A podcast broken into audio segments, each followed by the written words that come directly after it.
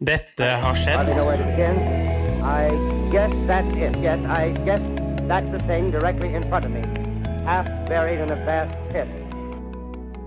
Generation X versus Z. Sandberg Productions presenterer den ekte samtalen om og med generasjon X og Z. Hold deg fast og nyt. Hei, hei, kjære lytter, og hjertelig velkommen til uh, dagens episode av Generation X vs. Z. Uh, og i dag, eh, kjære kompanjong, Yes, i dag. så skjedde det noe spesielt i 2005. Hva var det, tror du? Jeg vet at du ble fem år. Ja, jeg ble fem år, ja. Men Ja, hva tenker du på? Dagen i dag. Uh, dagen i dag. Nei. Da kan jeg si så meget at uh, Harry Potter and The Goblet of Fire hadde premiere.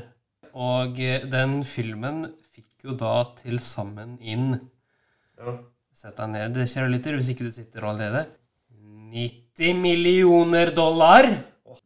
Det minner meg om én ting, Henrik, for jeg har uh, searcha litt på Harry Potter. Ja vel. Uh, og J.K. Rowling, som har, er jo forfatteren, egentlig, Ja, og som har skrevet bøkene, ja. som har skrevet Riktig. eh, bøkene. Og det sies, da Jeg vet ikke hvor riktig det er, men eh, den personen er da rikere enn dronning Elisabeth. Jeg håper det er riktig. Og det er på grunn av Harry Potter. Hva tenker du om det, da? Nei, altså det er jo veldig morsomt eh, at eh, hun er ikke bare en av de mest kjente novellistene i verden, Ja. men hun er også en av de rikeste i verden. Jeg syns det er litt sprøtt, jeg, altså. Ja, altså det, det er jo veldig morsomt eh, at det faktisk er sånn, hvis det er sånn.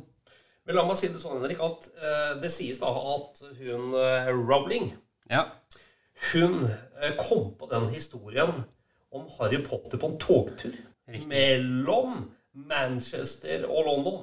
Ja eh, og et tog det er jo sentralt i både bøkene og filmene, faktisk. Det er det. Vet du når det skjedde?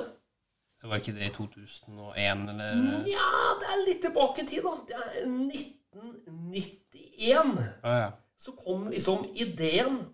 Så tar det jaggu meg seks år. 1997 før den første boka kommer. Så det er en lang prosess også for Rowling her, altså. Ja da, selvfølgelig. Det er jo det. Og altså, sånn som enda komme på eh, karakterer, det tar veldig lang tid. Og som du sier, det er jo en prosess som må gjennomføres med hud og hår.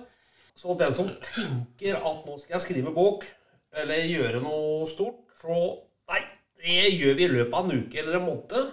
Det går ikke. Eh, eh, Glem det. Ja, ikke sant? Eh, Det er jo liksom litt av moralen her da, i denne episoden her, at hvis du skal gjøre noe, så må du gjøre det med en viss tålmod i hodet. Ja, det er både tålmodighet, Henrik, og så er det i den prosessen så må man like det man gjør. Klart det? Og så skal man i den prosessen I tillegg tror jeg da, Henrik, du får korrigere meg, men jeg tror også det er sentralt å ha det litt morsomt innimellom. Ja, ja. Er Helt enig i det. sant? Ha litt sånn eh, Skal ha det litt gøy i livet òg. Ja, selvfølgelig. Eh, Men det som er veldig morsomt da med den serien til eh, JK Rowling, det er at den serien kan jo da splitte folk, ikke sant? Enten så elsker du Harry Potter, eller så hater du det. Altså, jeg har lyst til å spørre deg, Henrik, fordi Ikke spørre deg, men jeg bare Jeg syns det var litt sånn kostelig i og med at uh, vi har en sånn greie oss imellom. Fordi um, de bøkene sies da ble skrevet ofte på en kafé i Edinburgh. Eh, og så kan du jo gjette hva hun da drakk mye av mens hun skrev. Kaffe. ja. Og det antyder jo litt da at uh, kaffe, Henrik Du skal ikke kimse av kaffe, altså. Du sier jo stadig vekk at jeg liksom skal At jeg drikker tonnevis med kaffe, men jeg gjør ikke det, altså. Ja, det her blir jo veldig personlig. Jeg håper ikke lytterne har noe imot det. Men eh, ja, det er sant, eh, faktisk. Du drikker eh, veldig mye kaffe. Ikke skjønner jeg hvorfor det. Nei. Jeg skjønner ikke det sjøl egentlig, men uh, det er nok kanskje en sånn en uvane. Uh, Og da vil vel du, da, at uh, de psykologene eller legene eller noe sånt som hører på, skal nå til deg? For å komme til bunns i det, eller? Nei, egentlig ikke. Jeg vet jo det at kaffe er greit, men eh, not too much, liksom. Ja, altså du vil heller da leve i lykkelig uvitenhet enn å faktisk vite hvorfor? Jeg vet såpass, tror jeg sjøl, da, om kaffe at det er eh, Jeg tror at jeg skal leve greit med den der kaffedrikkinga. Men være kanskje litt obs en gang imellom. Mm. Ja, eh, det er nok lurt, ja. Men skal vi kjøre tilbake til han Harry, eller? Eh, Ja da, har du noe mer på hjertet? Nei, jeg har alltid mer på hjertet, Henrik. Det kom den første boka 1997. Og det er Harry Potter og De vise stein. Og i alt så er det da syv romaner. Og alle er selvfølgelig, som mange mange vet, blitt filmatisert. Alle. Alle! Og det er jo én spesifikk film som hadde premieredag. eh. Det er jo nummer fire. Harry Potter and the Goblet of Fire. Yes. Og det som er litt kult med de bøkene, er at hver bok handler om nytt skoleår. På Hogwarts School of Wizardry. Men altså forhold du til det? Nei, altså, jeg har jo et veldig rart forhold til det. Men nå skal det sies, da. Jeg har også tatt en test på wizardingworld.com. Ja. Eh, hvor du kan eh, bli sortert inn i et hus basert på spørsmål du må svare på litt forskjellig. Eh, og jeg kan også linke til nettsiden i beskrivelsen, altså i shownotes, eh, som det heter. Hvis eh, noen av de som hører på, vil ta den testen eh, Jeg tok den testen og ble veldig overraska sjøl på hva jeg fikk. Hva fikk du? da? Nei, altså, jeg fikk Ravenclaw, ironisk nok. Det er det huset med blå og sølvfarga slips og sånne ting. Jeg bare ser for meg unge herr Sandhaug eh, her. Ikke sant? Du ser for deg det nå, ja? Jeg gjør det. Eh, og så over til eh, språknerden eh, Henrik. Ja vel. Det er hvor mange språk er den blitt oversatt til? Nei, altså, den har jo blitt oversatt til norsk, svensk, dansk, russisk, tsjekkisk osv. Eh, jeg vil tippe alle europeiske språk. Kanskje også malai, eh, lao, indonesisk nedover der. Kanskje også thai. Eh, hva vet jeg. Eh, ja 80 språk. Ja, ikke sant? Vi skal ta noen snutter Ja, snart. mm, riktig det. Ja, jeg tar eh, skolen eh, og viktige karakterer. Og historiene til de karakterene, da. Som sagt, utrolig populær. eh, Både bøkene og ikke minst eh, filmene. Ja. Og så Alt som kommer opp, blir også kritisert. Også Harry Potter. ja, ikke sant? Ja, ja. Det er jo naturlig. Hvis jeg sier til deg at det er en del grupperinger som har klagd på Harry Potter og den historien og dens popularitet Mm. Og det er til og med grupperinger som har ment at bøkene må brennes.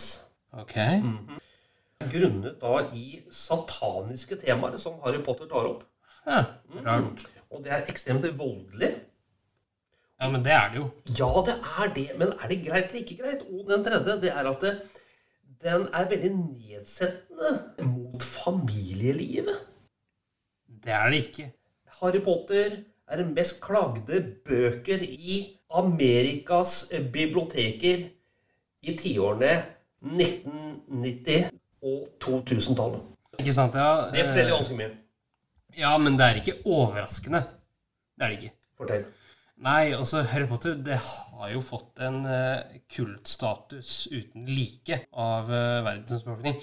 Så det at den bokserien og filmserien for så vidt også er den mest påklagde i eh, amerikansk bibliotekhistorie, det er ikke rart.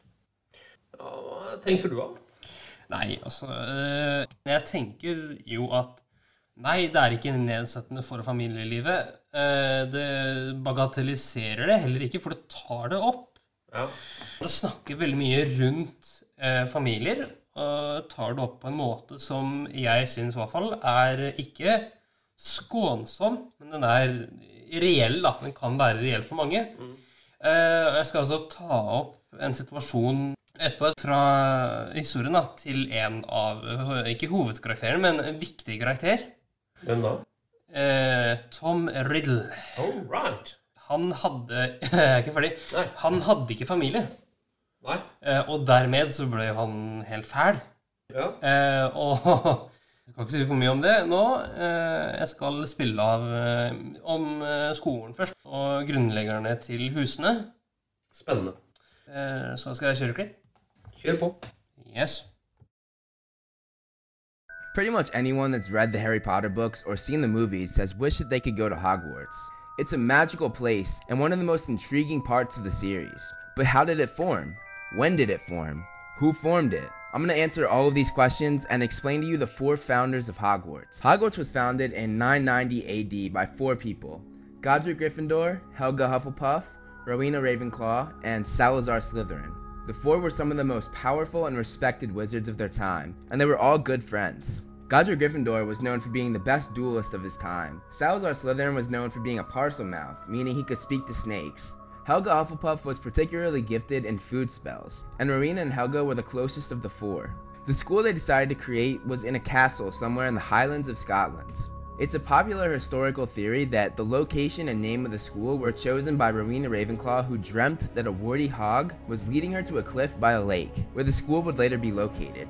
It's also thought that Ravenclaw came up with the ever changing floor plan. The school had a huge property with sloping lawns, a huge lake, and a giant forest, both the lake and the forest filled with many different magical creatures. The fort put many charms on the castle to make it impossible for any muggle to see it. And thanks to the charms, all that the muggles would see were ruins and several warning signs of danger. They also made it so witches and wizards could not apparate or disapparate, meaning magically appear or disappear somewhere in the Hogwarts grounds. The school was built in a time where magic was feared by the common people, and witches and wizards suffered much persecution, which might have influenced all the protective charms that the four founders put on the school.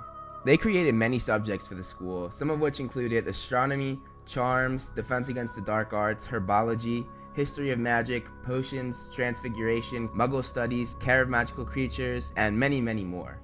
Hufflepuff had a gift for food related charms, and the recipes that she created are still used as the basis of recipes even in Harry's time at Hogwarts. Hufflepuff was also the one who arranged for house elves to be the cooks for the school. She thought it would be a good way to make sure that they weren't mistreated or abused, which in that time period, house elves were especially mistreated. The four founders decided to have four houses, and each one of the four houses was named after one of them, and each wanted a certain selection of students for their own house. Gryffindor wanted his students to be brave, daring, have nerve, courage, and chivalry. The coat of arms that he chose was a lion, which definitely went along with the bravery trait that he was so keen on. Hufflepuff wanted her students to be the most loyal, patient, and honest. But while the other houses had high standards, she took on the students that both matched her requirements, along with those who didn't fit the others' requirements. So essentially, she took the students that no one wanted.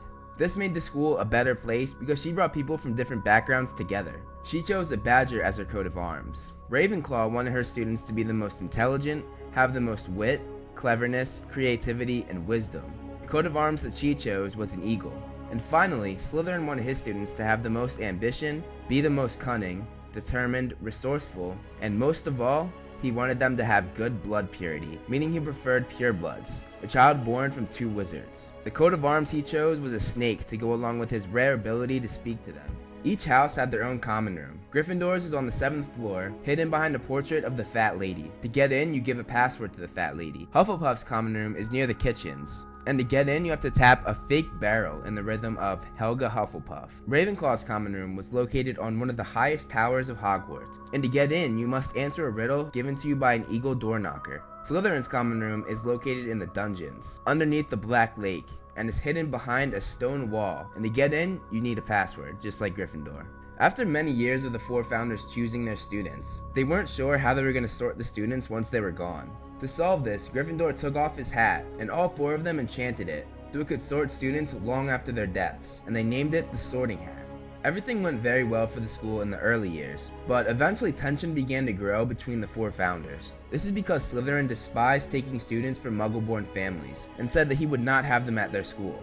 He tried to persuade the others to only take students from pureblood families. The other founders didn't agree with this, especially Gryffindor, who was the most in favor of allowing muggle-born students in their school. Slytherin and Gryffindor had a huge argument, and there may have even been a duel between the two, along with a civil war between the houses. Afterwards, Slytherin chose to leave the school, but he had a secret up his sleeve. And that secret would ensure the others' decision to allow Muggle-born students in the school to backfire on them. Slytherin built a secret chamber underneath the school, which was unknown to the other founders. The entrance was located in a girl's bathroom, and the chamber contained a basilisk, which is a type of snake that has one of the longest lifespans on Earth. A basilisk can kill just from looking someone in the eye. Other than Slytherin himself, the only person that could awake the beast was his true heir, and that heir would release the basilisk many years later and purge the school of all Muggleborns. Eventually, in 1943, Tom Riddle, or Lord Voldemort, Salazar Slytherin's true heir, would release the beast and would kill a Muggleborn girl named Myrtle. Years later, Tom ensured that he would be able to open the chamber again. One day,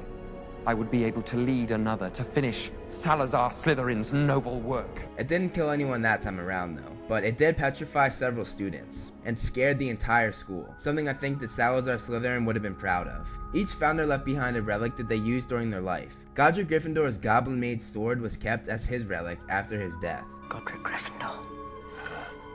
It would take a true Gryffindor to pull that out of the hat. The relic was extra special because it had a bond to the sorting hat, which, as I mentioned earlier, was also made by Godric Gryffindor. Whenever a true Gryffindor needs the sword, it will present itself to that person through the sorting hat. Hufflepuff left behind a small golden cup with a badger engraved on it, the same symbol as Hufflepuff's house. Rowena Ravenclaw's relic was a diadem that was said to have special powers, which would enhance the wisdom of the wearer. And finally, Salazar Slytherin left behind a locket that was emblazoned with the letter S. Later in Rowena Ravenclaw's life, she had a daughter named Helena, who Rowena taught herself at Hogwarts. Helena was jealous of her mother's famous intellect, so she stole the diadem from her, hoping to use its powers to enhance her wisdom. Rowena was ashamed of her daughter's treason, and hid her betrayal from everyone, even the other three founders. Helena fell in love with the Baron, and when her mother fell fatally ill, Rowena asked the Baron to go find her daughter so she could see her daughter one last time before she died and pretend like the whole betrayal never happened and have one last moment together. Unfortunately, the Baron killed Helena in a fit of rage when Helena refused to come with him, and Rowena was never able to see her daughter again, and they were never able to put their feud behind them. Some people think that Rowena's broken heart over her daughter led to her early demise. She was the first of the founders to die. It's unknown how or when the rest of the founders died, but it is known that they left behind one of the greatest legacies in magical history. Their school would help shape some of the most well-known and successful wizards and witches, ensuring a bright future for the wizarding world and all its time to come. Ja, det var en eh, kjapp eh, var kjapt engelsk, Henrik. Ja, det var et aldri så lite lynkurs i eh, Hogwarts. Yes, it was. Eh, moralen må vel være prøv ikke se øya til slangen. Det var det jeg fikk med meg. Ja, du skal ikke se øya til slangen, for da dør du. Ja, det er ikke noe særlig Og den eneste som kan vekke slangen, er jo da arvingen til Slytherin, altså da eh, grunnleggeren. Hva mer har du på hjertet? Jeg har litt historier eh, om eh, visse karakterer. Eh, først nå så skal vi ta for oss eh, det, det som ble nevnt litt i klippet. Den såkalte lord Voldemort, altså hans historie. Fra han ble født i 1926 og til han døde i 1998. Hvem er det, Henrik? Det er eh, den som prøvde å drepe hele hovedfamilien. Vær så god. Takk for det. He comes from the Gaunt family, who are the last living relatives of Salazar Slytherin himself, one of the founders of Hogwarts, who famously had the rare ability to speak to snakes. The family was 100% pureblood over the course of their entire history. Merope Gaunt, Voldemort's mother, was physically and mentally abused on a regular basis by her father Marvolo Gaunt and her brother Morfin Gaunt, and she was thought to be a squib because her magical abilities had not revealed themselves yet. The family had a lot of gold, but it was squandered several generations before Marvolo was born. All they owned was Salazar Slytherin's locket and a ring that was a Gaunt family heirloom, which was actually the Resurrection Stone, one of the Deathly Hallows. Merope was taken by a rich and handsome muggle boy named Tom Riddle, who lived in the mansion up the way from their disgusting small house. Morfin shot a spell at him one day when she was admiring him while gardening. This, of course, broke the law of wizards not being allowed to use magic in front of muggles. A ministry agent came to see Morfin to give him information on his hearing because he had broken that law. Everything went south, and it turned out that the ministry agent had to call for backup, and there was a duel between Morfin and his father Marvolo and the ministry officials. Marvolo and Morfin, of course, lost, and Morfin was sentenced to three years in Azkaban, and Marvolo was sentenced to six months, finally freeing Merope from her awful family. Without the constant abuse from her father and brother, her magical abilities finally manifested, and Merope fled the house, taking nothing but Slytherin's locket. She started giving Tom Riddle, the boy she was taken by, a love potion, and eventually they got married, and Merope became pregnant with the person we would later know to be Lord Voldemort. Because he was conceived under a love potion, he's never able to feel or express love in his life. Merope thought that since she and Tom had spent so much time together, that he might actually love her, and if not that, he would at least stay for the baby. So she stopped giving him the love potion, the reason being that she didn't want to enslave the love of her life anymore. Unfortunately, she was wrong, and Tom left her, alone, pregnant with the baby. Her heartbreak made her never use magic again. Merope sold Slytherin's locket to Borgin, the owner of Borgin and Burkes, which will be important later on. Merope becomes ill, and she goes to an orphanage where she gave birth to Tom and died one hour later. Her last request being that the baby was named Tom for his father, Marvolo for her father, and with the surname of Riddle. Tom Marvolo Riddle was born on December 31st, 1926. As a baby, he hardly cried, according to the matron of the orphanage. As he got older, it was clear that he was the spitting image of his handsome muggle father, whom he was named after. He never had any family visitors, and he scared the other children at the orphanage. Although there was never any proof that he did so, he hung a kid named Billy's Bunny by the rafters after he had an argument with Billy the day before. When the kids from the orphanage were taken on a trip to the countryside, Tom and two other kids named Amy and Dennis went into a cave that they found. Amy and Dennis were never quite right afterwards. The only information they ever got out of them was that they went into a cave with Tom, and Tom swore that they just went exploring. Although Tom did not know he possessed magical powers, his abilities with them were very developed for his age, and he used them for his own gain and to bully other people. I can make things move without touching them. I can make animals do what I want without training them. I can make bad things happen to people who are mean to me I can make them hurt. Tom collected trophies by stealing things from the kids that he bullied as sort of a reward for his acts of unkindness. When Tom was 11, he got a visit from Albus Dumbledore at the orphanage, his first ever visitor. Dumbledore explains to him what he is and what Hogwarts is. Tom's immediate reaction is, and I quote, It's magic what I can do? I knew I was different. I knew I was special. During this visit, we see for the first time the way he uses his charm to get what he wants. He demands to know where he can get a wand like Dumbledore's. He goes from demanding to putting on his charm and changing his face in an instant to look sincere and says, I'm sorry, sir. I meant, please, Professor. Could you show me? Now, some important qualities of Tom that are revealed here include the fact that he can speak Parseltongue, meaning he can talk to snakes, just like everyone on his mother's side of the family. Yes, I got the Salifay. I can speak to snakes too. They find me. Whisper things. Is that normal for someone like me? We see that as a kid, he is highly sufficient, secretive, and friendless. He preferred to operate on his own, traits we will of course see later on when he gets older. We also see that he showed contempt for anything that tied him to other people or anything that made him ordinary. He wished to be different, separate, and notorious. An example of this is how he felt about his name. You dislike the name Tom? There are a lot of Toms. Later on, of course, we know he would drop his name and give himself a new one. After Dumbledore met Tom, his initial thoughts on the boy were this his ability to speak to serpents did not make me nearly as uneasy as his obvious instinct for cruelty, secrecy, and domination. Tom came to Hogwarts and was placed in Slytherin almost the second the sorting hat hit his head. Slytherin! While at school, Tom used his charm and never showed signs of outward arrogance or aggression that he had shown Dumbledore that day in the orphanage. According to Dumbledore, he drew the attention and sympathy of almost all the staff as soon as he arrived because he was an unusually talented and very good looking orphan. He seemed polite, quiet, and thirsty for knowledge. When I first met young Mr. Riddle, he was a quiet, albeit brilliant boy committed to becoming a first rate wizard. If the monster existed, was buried deep within.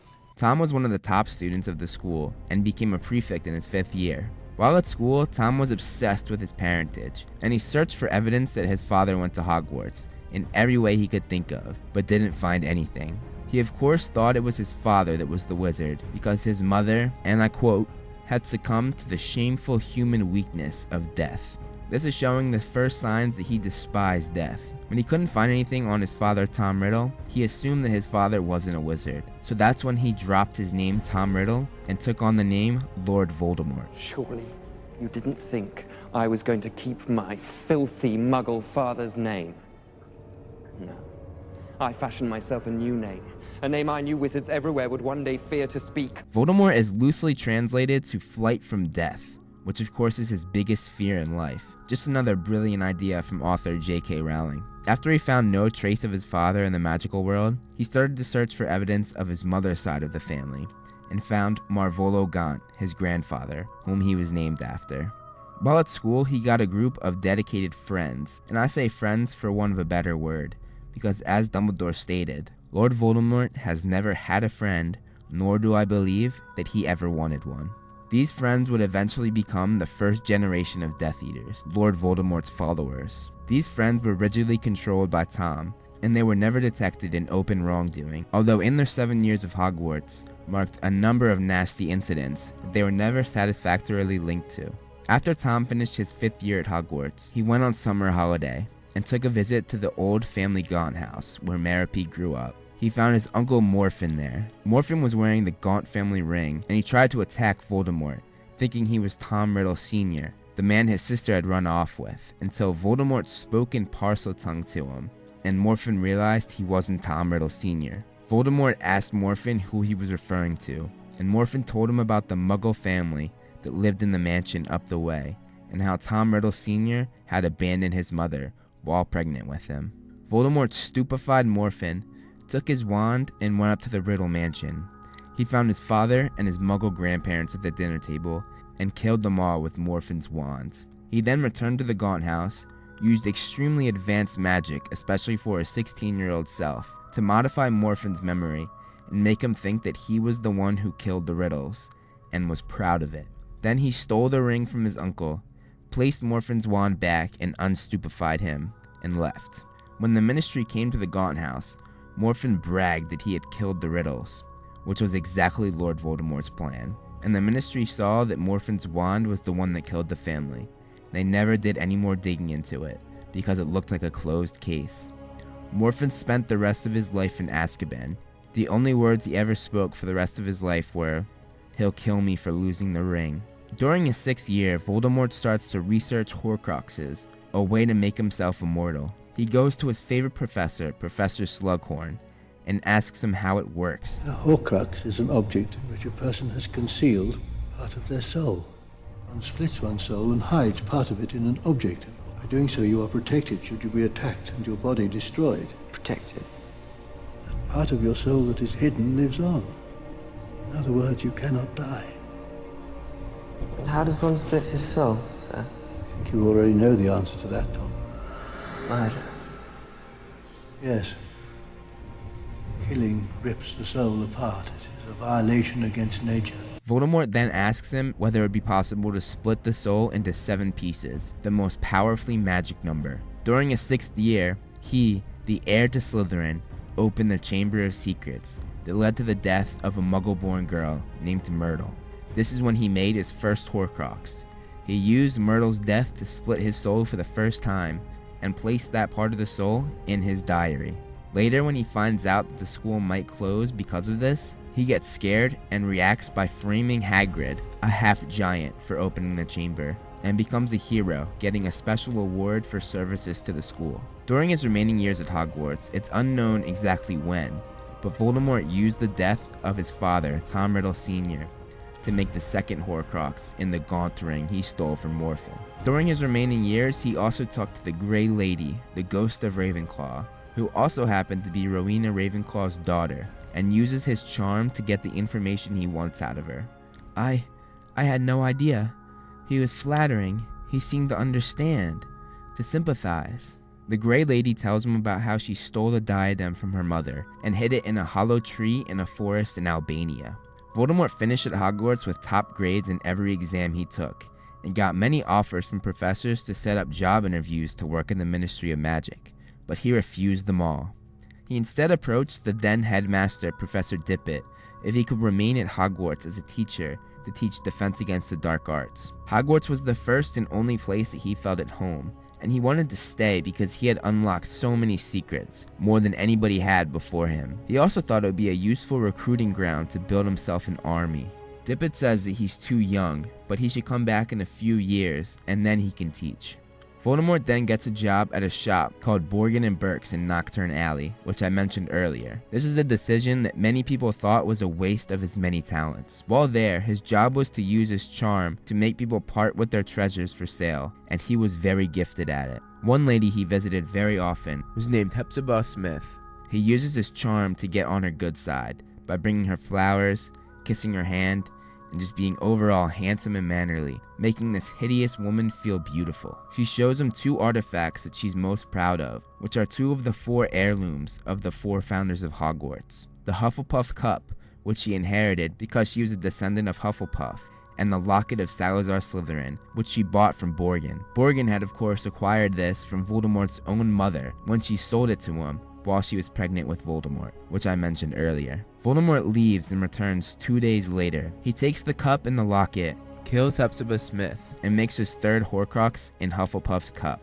Once again, we see how he takes trophies for his wrongdoings, just as he did when he was at the orphanage. He then modifies the memory of Hepzibah's house elf to make her think that she accidentally poisoned her master.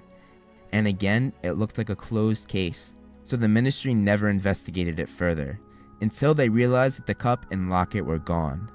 By the time they realized this, however, Voldemort had resigned from his job at Borgin and Burke's and had vanished and would not return for 10 years. During these 10 years, he continues to find, make, and hide these Horcruxes. To make the Locket Horcrux, he kills a Muggle tramp. He then goes to the Albanian forest where the Grey Lady had told him the lost diadem of Ravenclaw lay. He found it in the hollow tree just as she said.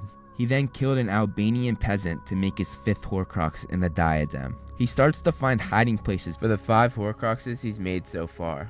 He gives the diary to his loyal follower Lucius Malfoy, with the instructions that one day he will send it to Hogwarts and the part of the soul of Voldemort that lives in it will open the Chamber of Secrets again, which I will discuss later on. This Horcrux was sort of a throwaway one for Lord Voldemort, used less as a safeguard, but more as a weapon. He hid the ring in the Gaunt house where his mother, uncle, and grandfather had lived, in the exact place that he had stolen it in the first place. He used magical enchantments to conceal it. He gave the cup to Bellatrix Lestrange, another one of his loyal followers, and told her to put it in her highly secure vault at Gringotts, guarded by a dragon. He put the locket in the cave he visited while at the orphanage and made the kids Amy and Dennis never the same. To hide the fifth and final Horcrux he's made so far, the diadem, he finally comes out of hiding and uses his visit to Hogwarts to meet with Dumbledore to his advantage. He meets with Dumbledore to discuss the job position that Headmaster Dippet had promised him years ago. His appearance after his 10 years of vanishment is described as follows He was no longer the handsome Tom Riddle. It was as though his features had been burned and blurred. They were waxy and oddly distorted, and the whites of his eyes now had a permanently bloody look and his face was as pale as the snow. Dumbledore refuses to give him the job position that he was promised, and Voldemort puts a curse on the job, making it impossible for one Defense Against the Dark Arts teacher to stay for more than one school year. He then goes to the Room of Requirement, a secret room that opens and becomes whatever you need it to be. What he needed was a place to hide something, and there are mountains and mountains of things that people have had to hide over the many years that the castle existed. Voldemort hides the diadem in there, thinking that nobody would be able to find it. Over the next 15 years, Voldemort goes on to recruit giants, dementors, and more of his followers, Death Eaters, and becomes the most powerful magical tyrant the world has ever seen. People are afraid to say his name and cower in fear at the mention of him. We Do not speak his name. He kills hundreds of people and takes over the magical world, spreading fear and chaos all over. It seems as though nothing can stop him, not even Dumbledore's alliance, the Order of the Phoenix. That is until he is told of a prophecy by one of his Death Eaters, Severus Snape. The prophecy states as follows The one with the power to vanquish the Dark Lord approaches, born to those who have thrice defied him, born as the seventh month dies, and the Dark Lord will mark him as his equal, but he will have power the Dark Lord knows not and either must die at the hand of the other, for neither can live while the other survives. This prophecy, he realizes, matches a baby boy named Harry Potter. He decides to take care of this problem and his only threat by finishing the one year old boy off. Voldemort not knowing that by doing this, he would mark Harry as his equal, just as the prophecy said, thereby setting the prophecy in stone. Harry's mother jumped in between Harry and Voldemort and died saving her son. This put a protection on Harry through the power of love. So when Voldemort went to kill Harry, the protection his mother had just given him by sacrificing herself made the killing curse rebound and hit Voldemort, which should have killed him, but didn't because his soul still lived on in several of the Horcruxes he had already made. When the curse rebounded, a part of Voldemort's soul latched itself onto Harry, making Harry the Horcrux Voldemort never meant to make. A part of Voldemort's soul latched itself onto the only living thing it could find Harry himself. Voldemort was barely alive, just a part of a soul clinging to life. Some say he died. Codswallop, in my opinion. Nope. I reckon he's out there still. Too tired to carry on. The only power he still possessed was to latch onto others' bodies. He fled to the Albanian forest where he had found the lost diadem and jumped from animal to animal, his preference being snakes, but it killed the animals quickly. After 10 years of this suffering, a man that worked at Hogwarts, Professor Quirrell, came across Voldemort in the forest while researching and allowed Voldemort to latch onto him. He wore a turban to cover Voldemort's face on the back of his head and drank unicorn blood to keep his master alive. Their eventual goal was to get the Sorcerer's Stone and drink its elixir of life to get Voldemort back to his full strength. But once again, he was stopped by the boy he marked as his equal 10 years before this, Harry Potter. The protection Harry's mother gave him allowed him to kill Quirrell and forced Lord Voldemort to leave his body. Voldemort then fled back to the Albanian forest again. A few months later, the diary, the first Horcrux he made, was still in Lucius Malfoy's possession until he put it in a cauldron of a girl named Ginny Weasley, along with her other school books, assuring that it would make its way to Hogwarts. This set in stone the plan that Voldemort had all along to reopen the Chamber of Secrets. The part of Voldemort's soul that lived in the diary possessed Ginny Weasley and made her open the chamber. Why? Because I told her to. You'll find I can be very persuasive. He then captured her and was using her to make himself permanently brought back to life, but was again stopped by Harry Potter, who destroyed the Horcrux with the fang from the Basilisk, the monster known to the Chamber of Secrets, thereby destroying the first Horcrux. One year later, one of his followers, Peter Pettigrew, otherwise known as Wormtail, found Voldemort in the Albanian forest with the help of rats. Voldemort told Wormtail how to make a temporary body. With the help of spells Voldemort created himself, his snake Nagini and her snake Venom, along with a potion with unicorn blood. This gave him a very temporary and weak body, but it was enough to carry out the plans to get his permanent body. Wormtail then brought him a ministry agent named Bertha Jorkins, who Voldemort tortured to get information out of her, and then killed her and used her death to make his final Horcrux in his snake Nagini. In total, his soul was split in eight pieces. Himself, of course, the diary, the ring, the cup, the locket, the diadem, Harry, which he still didn't know about, and Nagini. However, at this point, the diary is destroyed, so there are only seven left. Anyway, Bertha tells him about the Triwizard tournament as he tortures her that is going to take place at Hogwarts, and informs him about one of his most loyal followers who is in hiding and is still alive, even though everyone else thinks him dead. Barty Crouch Jr. Voldemort reaches out to him and they devise a plan to disguise Crouch Jr. as Professor Mad Eye Moody, and he hoodwinks the tournament to force Harry to play in it. And Crouch Jr. makes sure that he wins. To win, you must touch the cup first, which Crouch Jr. had turned into a port key, that when Harry touches it, it would lead him right to the Riddle Mansion. This is where Voldemort gets a full and permanent body, with a concoction made from three ingredients. A bone from his father, that they took from his grave, flesh given by a servant, which was Wormtail's own hands.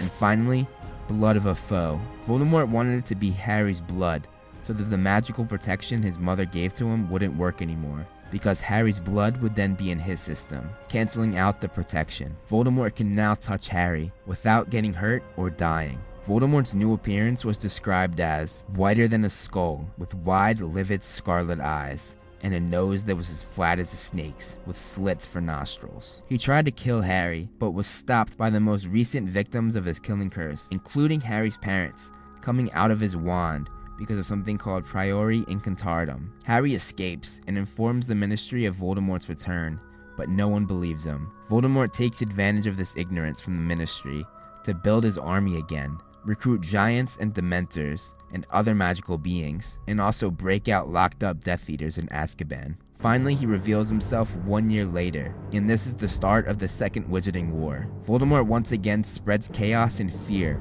and eventually takes over the Ministry of Magic. He also takes over Hogwarts after the planned death of Albus Dumbledore, reinstating Snape as headmaster, along with the Carrows, who were siblings that were also Death Eaters. Voldemort finds out through torturing the wand maker Ollivander that he and Harry's wands are brothers because they share a tail feather from the same phoenix, which is why he hasn't been able to kill Harry. He decides to go after the most powerful wand in the world, the Elder Wand, one of the Deathly Hallows. He eventually finds out that it was last in Dumbledore's possession and is buried with him now. He goes to Dumbledore's grave and gets the Elder Wand and thinks he is even more unstoppable than he was. Somewhere around this time, he conceived a child with Bellatrix Lestrange, and his daughter Delphini was born in mid to late 1998 before the Battle of Hogwarts, which I'll talk about in a minute. Voldemort finds out that the cup from the Lestrange's vault is gone, and he kills everyone in the room. He goes to check the other Horcrux hiding spots, including the Gaunt House, where the ring is gone and he assumes is destroyed. Then the cave and the locket is also gone, and he again assumes it was destroyed.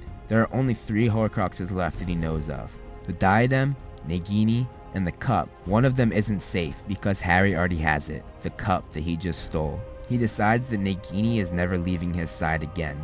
Come, Nagini. I need to keep you safe. He then gets word that Harry's in Hogsmeade, the village right next to Hogwarts. So he takes his entire army to Hogwarts, and the Battle of Hogwarts takes place. During this battle, Hufflepuff's cup is destroyed, and the diadem is destroyed as well. There are only two Horcruxes left Harry, which he still does not know about, and Nagini. After many hours of battle, Voldemort tells his forces to retreat and asks that Harry meet him in the forest to face his destiny. Harry obeys and comes to the forest, and Voldemort kills him. Thereby killing the Horcrux he never knew he made inside Harry. Through some extreme measures, Harry comes back, which Voldemort does not know, as he shows Harry's supposed dead body to his friends and family. Neville Longbottom, one of Harry's friends and allies, steps forward and kills the snake with Godric Gryffindor's sword, destroying the last Horcrux, finally making Voldemort vulnerable to death. After Neville does this, the fight begins again, and in the chaos, Harry gets up and faces Voldemort for their final confrontation, which finally leads to the death of Lord Voldemort, otherwise known as Tom Riddle, who died on May 2nd, 1998. Because of the damage he did to his soul by splitting it in so many pieces, he was unable to move on or to live as a ghost. His soul was forever in limbo. Wow. Ja, det var jo historien, det. Eh, nok en gang så lærer man nye ting. Eh, men nå skal vi høre om den familien han har prøvd å drepe. Potter, yes. av Harry, Lily og James. Og han eh, Voldemort som ble omtalt her, greide å drepe eh, Lily og James, men ikke Harry. Ergo lydmerke i panna. Riktig. Det er opprinnelsen til det arret. Yes. Eh, det var en formel som slo feil, og fikk Voldemort til å flykte. Vi skal nå da få høre historien til eh, Lily og James Potter, altså foreldrene til Harry. Gjerne det. James and Lily Potter. They hold so much importance in the series, even though they died long before the series even began. They play a huge role in the series that many people might forget about, especially because the film skipped over almost all of their backstory. In this video, I'm going to explain the entire timeline of both characters, explain how their lives intertwine, and I'll even give some information that was not in the books, but that Rowling released after the series ended. Now, just to be clear, this video is based on the books, not the movies. There are many differences between the two, so just remember I'm going by the novels. Also, there will be spoilers. I know I already said that James and Lily die, but you find that out in the first chapter of the first book, so I don't think that's a spoiler. Before we start, I'm trying to grow my footprints on other social medias besides just YouTube. So it would be awesome if you guys could follow me on Instagram and Twitter. I tweet about your favorite fandoms like Harry Potter, Avatar, Star Wars, superheroes, Hunger Games, Percy Jackson, and so much more. And you can see behind the scenes movie flame stuff on Instagram and just some of my personal life like my dog Loki, who I think is the cutest dog in the world, and just some other fun posts on both platforms. All of my social media platforms as well as my Patreon are linked down below for easy access. If you want, give me a follow. If not, that's totally fine. Now, let's get the video started. Lily was born in January 1960 to Mr. and Mrs. Evans, and James was born two months later in March 1960 to Fleamont and Euphemia Potter. The two grew up in very different households. For one, James grew up in a household with two wizarding parents, while Lily grew up in the muggle world, as she was a muggle born, meaning a witch or a wizard born from two muggles. On top of that, James was an only child, while Lily grew up with an older sister named Petunia, who she was very close with. James had messy black hair and glasses, while Lily had red hair and green eyes.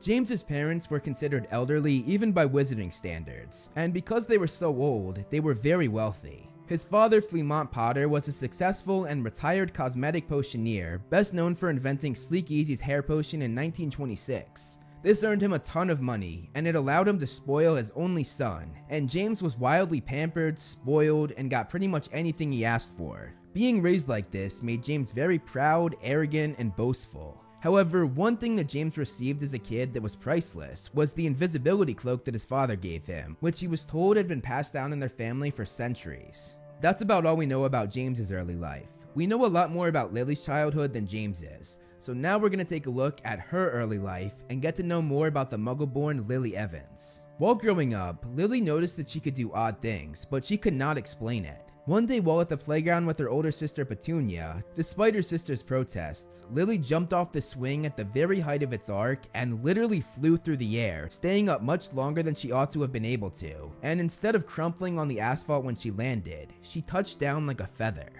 Petunia yelled at Lily, saying that their mother had told her not to do that, but Lily ignored her and told Petunia to watch as she did another impossible feat, this time making a flower in her hand open and close its petals. This made Petunia once again yell at Lily, telling her to stop, saying that what she was doing was not right or normal, but Petunia then had a longing in her voice, asking Lily how she did these things. Just then, a boy named Severus Snape approached them, and he told the two sisters that the reason why Lily could do these things was because she was a witch. Lily took offense to this, however, and began walking away with Petunia, but the boy chased after them, saying that there was nothing wrong with that, as he was a wizard. Petunia snubbed him, saying that he was the Snape boy who lived in Spinner's End, a much less wealthy area than where the two sisters were from. Petunia then pulled Lily away, and they left. This incident left Lily wondering, however. She knew that she could do things that shouldn't be possible, and she wondered if this Snape boy had been right about her. Petunia dismissed this, however, and told Lily that Snape was lying.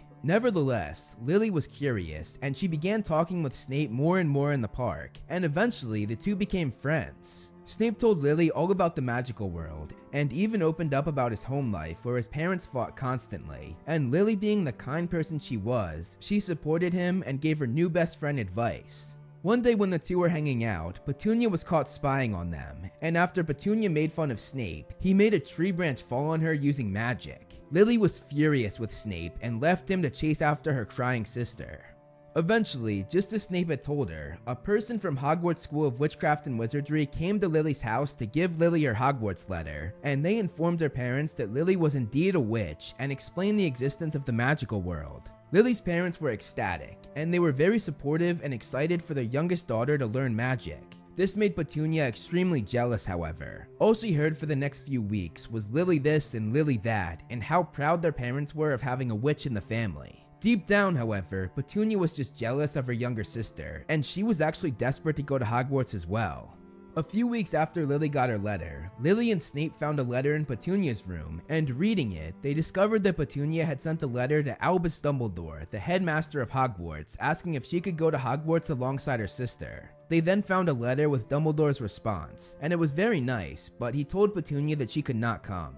When it came time for Lily to head to Hogwarts, she and Petunia got into a fight on platform 9 and 3 quarters. Knowing how badly Petunia wanted to go to Hogwarts after reading her letter to Dumbledore, Lily told her that she would talk to Dumbledore and persuade him to let Petunia come to Hogwarts as well. Petunia snapped at Lily, however, saying that she did not want to go, and she called Lily a freak for being a witch. This made Lily angry, and she brought up the letter that she had found where Petunia begged Dumbledore to take her. Petunia got defensive, and with one last word, she called Lily a freak again, and she left Lily standing there all alone on the platform. And this was how the sisters left things before Lily went off to Hogwarts. Lily was devastated, and when she boarded the train, she sat in a compartment looking out the window crying. Snape eventually entered, and when she told Snape that Petunia hated her, Snape said, So what? This made Lily mad, but she brushed it aside. And now, this is where Lily and James's paths finally cross. Lily happened to be sitting in the same compartment as James, and when Snape said that he hoped they were both in Slytherin House, James focused his attention on them and talked down to Slytherin, saying he'd rather leave than be sorted into that house. James asked the boy next to him what he thought, and the boy named Sirius Black told him that his whole family had been sorted into Slytherin, but that he hoped to break that tradition.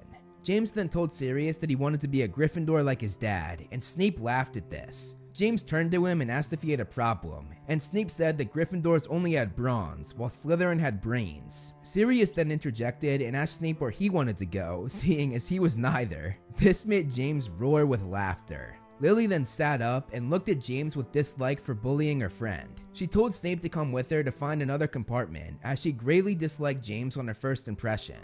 As they were leaving, James mocked Lily and he tried to trip Snape as they were walking out. It might surprise some people how badly Lily and James's first meeting went. On first impression, Lily despised James for his boastful and bullying ways. The fact that they eventually got married after this disastrous first meeting shows that we still have a lot of story to tell. When they reached Hogwarts, James got his wish and was sorted into Gryffindor, and as soon as the sorting had hit Lily's head, she was as well. As she went to the Gryffindor table, however, she snubbed Sirius, and going forward with the school year, she wanted nothing to do with James or Sirius. Over the next few years at Hogwarts, Lily and Snape remained friends despite the fact that they were in different houses. She, however, branched out and made some girlfriends in Gryffindor while she watched Snape become friends with those who liked the dark arts, something that she did not approve of. Nevertheless, she stood up for Snape despite this, especially when her Gryffindor girlfriends talked badly about him and asked her why she even hung out with him. Meanwhile, James formed his own group of friends that included Sirius Black, Remus Lupin, and Peter Pettigrew, and James was one of the most popular kids in the school. This was in large part due to him joining and becoming a star on the Gryffindor Quidditch team where he played Chaser. And yes, that's right, Chaser, not Seeker. Rowling confirmed that James was never a seeker, even though they showed this in the movies. The movies just got it wrong. James also formed a crush on Lily, and he always seemed to make a fool of himself whenever she was around because he could not stop himself from showing off in front of her. Lily did not pay him much attention though because she thought he was rather mean. And this was quite true. James and his friends were plain and simple bullies, especially James and Sirius. They would walk down the corridors and hex anyone who annoyed them just because they could.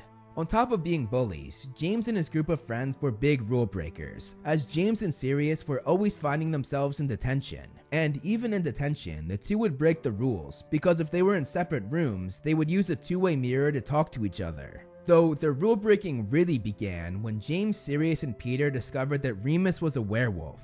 The three decided to do something so that Lupin would not feel as alone when he went through his transformations, and they became Animagi. And yes, that's how you say it. According to Rowling, Animagus or Animagi is pronounced with a J, not a G. That was another thing that the films got wrong. It took the boys three years to figure out how to become Animagi, but when they finally did, James could turn into a stag at will, Sirius could turn into a dog, and Peter could turn into a rat. So when Lupin went through his transformations in the Shrieking Shack, James, Sirius, and Peter would turn into animals and keep Lupin company, because werewolves only harmed humans, so they were safe in their animagi forms. James and Sirius were such large animals that they could keep werewolf Lupin in check. Soon they began leaving the Shrieking Shack during their nights out, and they roamed the school grounds and the village of Hogsmeade. Doing this, James and his friends came to know the Hogwarts property better than any student at Hogwarts, and using this information, they made the Marauders map. This map showed all of the Hogwarts grounds as well as Hogsmeade. It showed all of the secret passageways, and even showed every person on the grounds and where they were at any given moment. In their little group, each one of them got a nickname. James was Prongs, Sirius was Padfoot, Lupin was Moony, and Peter was Wormtail. Eventually, Snape started to catch on to what James and his friends were doing, though he did not know the whole truth. He just speculated that Lupin was a werewolf. One day, Sirius told Snape that all he had to do to figure out the truth was to go to the Shrieking Shack, but Sirius told him to do this when Lupin was fully transformed into his werewolf form. Hearing what Sirius had done, James ran after Snape and pulled him back at the last second before Lupin pounced on them, risking his own life to save his greatest enemy. Word got around the school that James had played the hero saving Snape, though nobody knew the actual details. When Lily had heard this, she started to think that James might not be so bad after all. However, this still did not change the fact that she saw him as an arrogant bully. While at Hogwarts, Lily quickly caught the attention of the potions professor Horace Slughorn. Slughorn liked to gather the most esteemed students, whether that be because of their family's influence or wealth, or simply because they were gifted and smart. Lily of course fell under the second category, as she was a muggle-born. Nevertheless, Lily was one of Slughorn's favorite students of all time, and he welcomed her to the Slug Club, where he would throw dinner parties and hangouts with his hand-picked students. Your mother was one of my absolute favorites. Look, there she is, right at the front. One day, Lily told Snape that she did not like the people he was hanging around with. She said that his friends used dark magic on a girl in their year, but Snape said it was just a laugh. This made Lily question him, saying that if he thought that was funny, she didn't know him much anymore. Snape became defensive, however, and asked about the stuff that James and his friends got up to.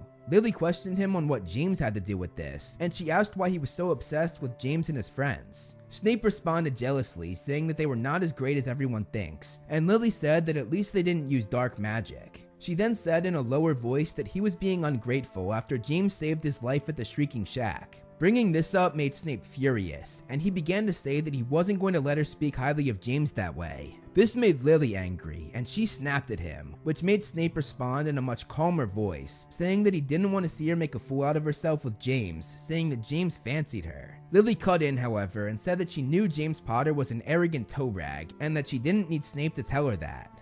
After taking their OWLs during their fifth year, James made fun of Peter for not knowing one of the questions that had to do with werewolves when one of his best friends was a werewolf. James and his friends then went out on the lawn, and James pulled out a snitch from his pocket, which he told his friends he had stolen from the Quidditch supply shed. Peter watched James and all as he let the snitch fly in the air and then snatch it before it got too far away. Once Peter started gasping and clapping while watching James do this, most people would have told him to get a grip of himself, but James enjoyed the attention. When James looked over at a group of girls across the lawn, one of which was Lily, he started to rumple up his hair to make it look even more messy than it already was. When Sirius said that he was bored, James pointed to Snape, and the two of them got excited at the prospect of bullying him. As soon as they went up to Snape, James disarmed him, and when Snape made a grab for his wand, James used a spell to knock him off his feet. As he advanced on Snape, James looked over his shoulder at the group Lily was a part of. Then when Snape let out some swear words, James told him to wash out his mouth, and he cast a spell that made pink soap bubbles come from his mouth, and Snape began to gag and choke. Lily then came over and yelled at James angrily to leave Snape alone. Immediately, James messed up his hair again, and James greeted her in a voice that he tried to make deeper and sound more mature. When Lily asked James what Snape had done to him, James replied saying that it was more the fact that he exists. Lily then called James out, saying that he thought he was so funny, but all he was was an arrogant bullying toe rag. She then told him to leave Snape alone again, and James told her that he would if she went out with him. Lily replied, saying that she wouldn't go out with him even if it was a choice between him and the giant squid from the Great Lake. During this conversation, Snape had gotten to his wand, and when he waved it, a huge gash appeared on the side of James's face, sending blood everywhere. James then waved his wand, and Snape was hanging upside down in the air, and this showed the whole crowd Snape's old graying underwear. The crowd cheered. James and his friends burst out with laughter, and even Lily's face twitched for a second as though she was about to smile. But Lily then told James angrily to put him down. James smiled and obliged, but first he made Snape go higher in the air and then let go, making Snape's fall to the ground even harder. When Snape got up, Sirius used the spell Petrificus Totalis, making Snape fall to the ground unmoving. Lily yelled to let him go again, and she took out her own wand. James said not to make him Hexer, but she ignored this and told him to take the curse off of Snape. James sighed deeply and released him, and he told Snape that he was lucky Lily was there. But Snape snapped, saying that he didn't need help from filthy little mudbloods like her. This shocked and hurt Lily, and she said coolly that she wouldn't bother in future. She then finished him off, telling him to wash his dirty underwear that everyone had seen when he was upside down. James pointed his wand at Snape and told him to apologize to Lily, but Lily snapped at James, saying that she didn't want him to make Snape apologize, as he was just as bad. James was taken aback and said that he would never call her what Snape did, but Lily again skipped over this and called him out, saying that he thought he was so cool messing up his hair to make it look like he just got off his broomstick, or showing off with a stupid snitch, and even his constant bullying of anyone who annoyed him. She said that she was surprised his broomstick could get off the ground with his fat head, and she told James that he made her sick. Lily turned and stormed off, and James yelled after her, but she did not look back. James turned to Sirius and asked what was with her, trying and failing to look as though this was a throwaway question with no real importance to him. Sirius responded saying that she thinks he's a bit conceited. This frustrated James, and he took his frustration out by turning back to Snape and making him hang upside down again, this time asking the crowd who wanted to see him take off Snape's pants. After being called a mudblood, Lily did not want anything to do with Snape anymore. However, that night while in the Gryffindor common room, Lily was told by her friend Mary that Snape was outside of the portrait of the fat lady, and she only went out after he had threatened to cast a spell on Mary. Snape desperately apologized, but Lily had no remorse in her voice as she told him it was too late. She told him that she had made excuses for him for years, and when she said that he and his friends were wannabe Death Eaters, Snape did not deny it, and Lily called him out for this. She angrily said that he couldn't wait to join you know who, and Snape opened his mouth but closed it immediately, basically confirming what Lily was saying. Lily told Snape that he had chosen his way and she had chosen hers, effectively ending their friendship. Snape had always sort of been the thing that kept James and Lily at odds. We saw this the first time they met on the train. Lily got a bad first impression of James because he was bullying Snape. She was really good friends with Snape, and to see your friend get bullied by somebody constantly, it's natural to not like that bully. But because Snape was now out of Lily's life and out of the picture, she started to see James in a different light. It also helped that James's head had deflated a great deal, and he became much more mature. He stopped texting people just for fun, and he became so mature in fact that Dumbledore made James head boy in his 7th year alongside Lily, who was head girl. And James did this when he wasn't even a prefect in his 5th or 6th year, which almost never happens. All of this made Lily see that James had changed. Sirius told Harry years later that Lily never actually hated James, but actually sort of liked him, though she never admitted this because again, he was the bully that tormented one of her best friends. Lily and James began to date during their seventh year, and the two were a happy couple. During their relationship, Lily helped deflate James's head even more until he was finally a semi-humble man. However, though James didn't hex people anymore, Snape was a special case, and behind Lily's back, the two would still go at it. But this was sort of necessary on James's part, because though James had matured, Snape had not, and he still went after James any chance he got, and James of course couldn't just take that lying down. James's friends eventually became Lily's friends, and she became very close with Sirius, Remus, and Peter. She was even in on the nicknames the friend group had, and she often referred to Sirius, Remus, and Peter as Padfoot, Moony, and Wormtail. At the end of the year, they all graduated from Hogwarts ready to take on the world, Lily and James especially, two 18 year olds who were madly in love.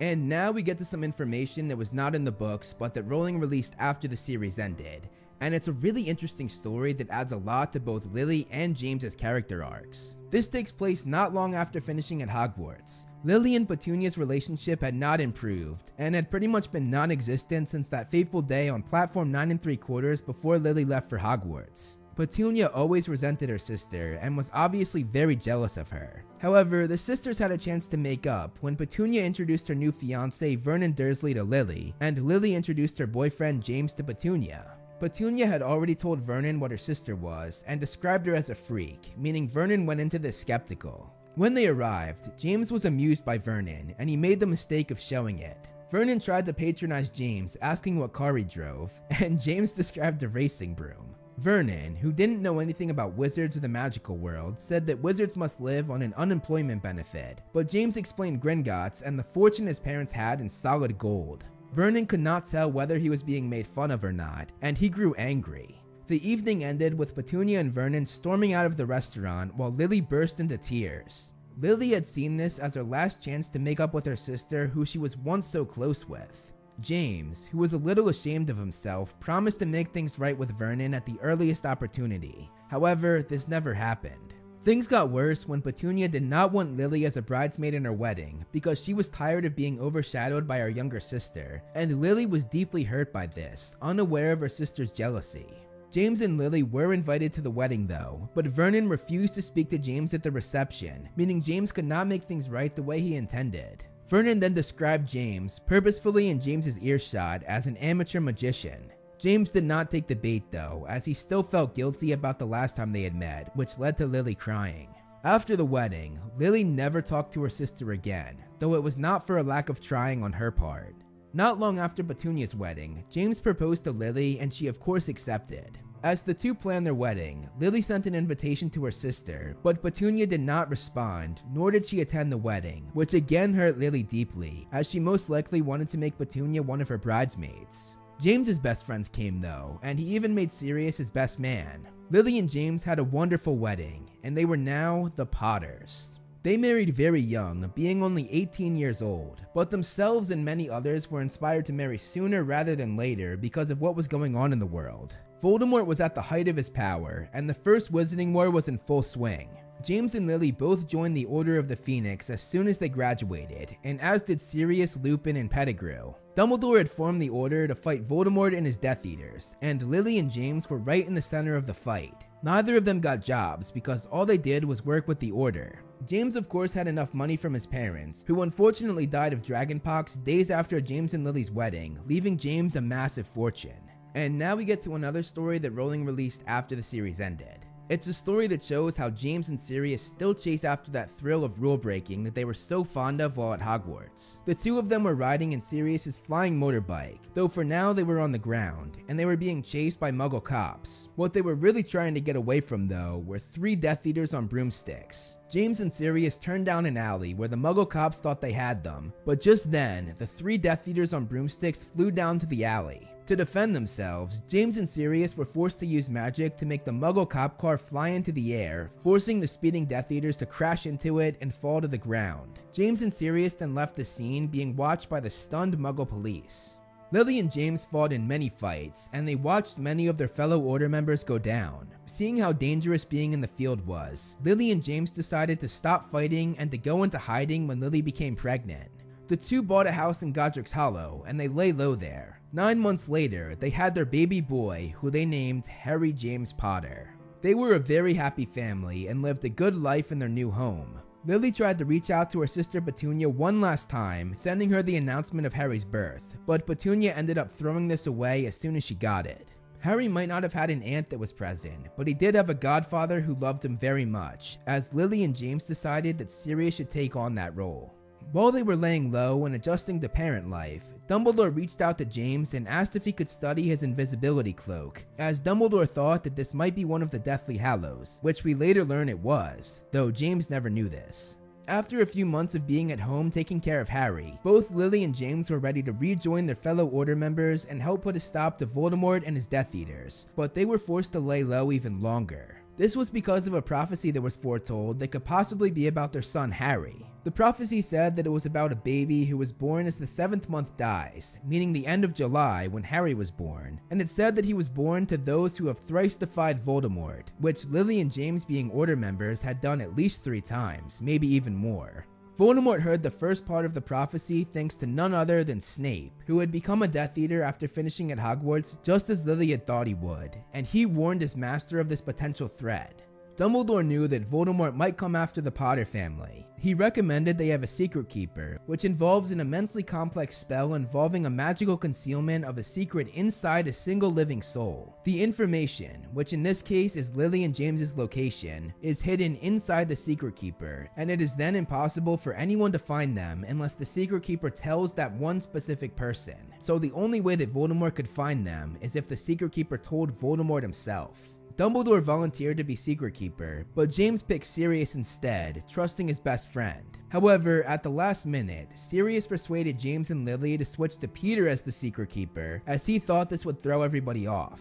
The Potter family remained in their home at Godric's Hollow, feeling safe and secure, knowing that their longtime friend Wormtail would not betray them. But James was beginning to get a bit frustrated being locked in the house all the time. He tried not to show it, but Lily could still tell. She actually sent a letter to Sirius asking if he could stop by, knowing that this would cheer James up. Peter came over for a bit, and Lily realized that he seemed a bit down, but she chalked this up to him being sad about the McKinnon's death, who were fellow Order members, news that had made Lily cry all evening when she heard. One person who was in on the secret keeper business and visited very often was their neighbor Bathilda Bagshot. She entertained them with stories about Dumbledore back in the day, and they were quite shocked to hear some of the gossip. When Harry's first birthday arrived, James and Lily could not throw him a party because of the situation they were in, and also because all of their friends were out on missions for the Order. But Harry's godfather Sirius sent Harry a toy broomstick that was by far his favorite gift. James and Lily were super proud of Harry, as most one year olds would not be able to fly the way he could, and this made them think that he had a future Quidditch career ahead of him. Ball in the broom, Lily and James laughed as Harry nearly took out their cat and smashed a vase, and James chased after his son as a laughing Harry flew across the room. Everything was perfect. This did not last though. Wormtail, the friend that Lily and James had entrusted with their lives, turned on them.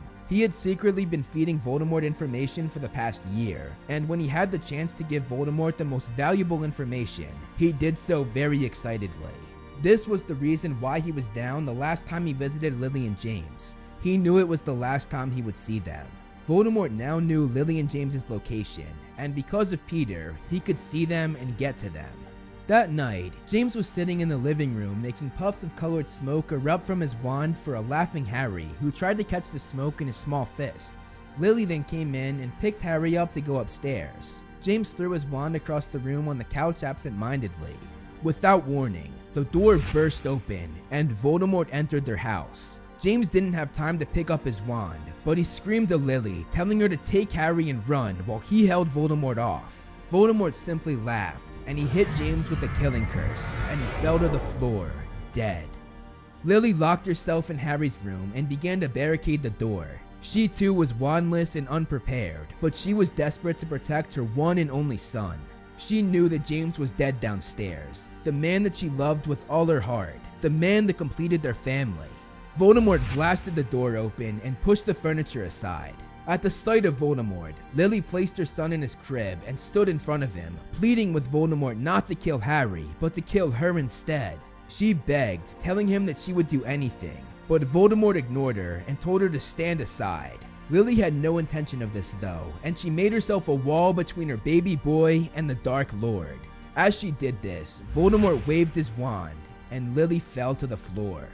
However, she had sacrificed herself in the name of love, something that triggered very old but very powerful magic. Lily's final act of protecting her son, of sacrificing herself, giving her life to protect Harry, put a magical protection on him. When Voldemort tried to kill Harry, because of Lily's protection, the killing curse bounced back and hit Voldemort instead. Lily and James's bodies were sprawled on the ground while the now orphaned Harry cried. Sirius was the first to the scene, and seeing his best friend sprawled on the floor, he was devastated. Hagrid then arrived, and he too was heartbroken. Hagrid took Harry from the house on Dumbledore's orders, and Sirius gave him his motorbike to get him there faster. Lily and James's deaths led to the end of the First Wizarding War, a war that had bestowed so much hardship on so many families. They died heroes, and they died so young, only being 21 years old. Word of what happened to the Potter family spread like wildfire, and among the celebrations for the end of the war, there were also many people mourning the loss of two heroes and celebrating their son Harry, who was now dubbed the boy who lived.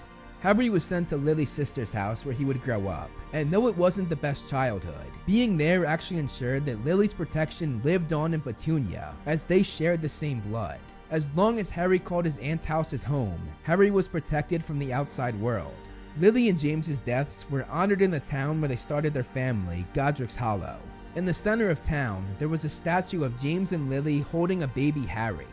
Godric's Hollow was also where Lily and James were buried, being laid to rest in the graveyard across the street from their home. On their tombstone, it said both of their names, the dates of their birth and death, and under that it said, The last enemy that shall be destroyed is death. This quote basically meant living beyond death. Their home in Godric's Hollow, even 16 years later, had not been touched since their deaths. The top room where Voldemort had tried to kill Harry had been blown apart, but the rest of the house was still standing and in good shape.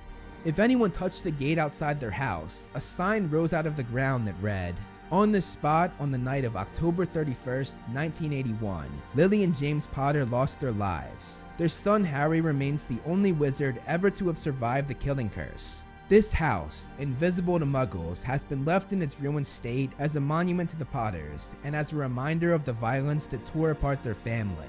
This became a tourist spot where many people paid their respects to Lily and James and celebrated Harry, the boy who lived. Though they were gone, this is not the end of James and Lily's story. In Harry's first year at Hogwarts, Dumbledore, who still had the invisibility cloak he had borrowed from James, sent it to Harry for Christmas, putting it back in its rightful family. Even 10 years after her death, Lily's protection in Harry lived on. It protected Harry as he fought Quirrell and Voldemort during his first year at Hogwarts. Voldemort eventually found a way around her protection, however, when he made his new body and used Harry's blood. That same night, Lily and James actually got a chance to see Harry because of a phenomenon called Priori Incantatem. It's a rare occurrence, but it happens when two wands with the same core duel each other. This happened when Harry fought Voldemort that night in the graveyard, as both of their wand cores were taken from the same phoenix. When Harry began to win against Voldemort, Priori Incantatem took effect, and this makes the losing wand regurgitate echoes of the most recent spells it had cast. The last spells that Voldemort had used was the Killing Curse, and the life forms of his most recent victims came out, including James and Lily. Lily came out first, and when she realized what was happening, she told Harry to hold on because his father was coming as well. James then emerged and looked into his son's face, and he saw how much Harry resembled him.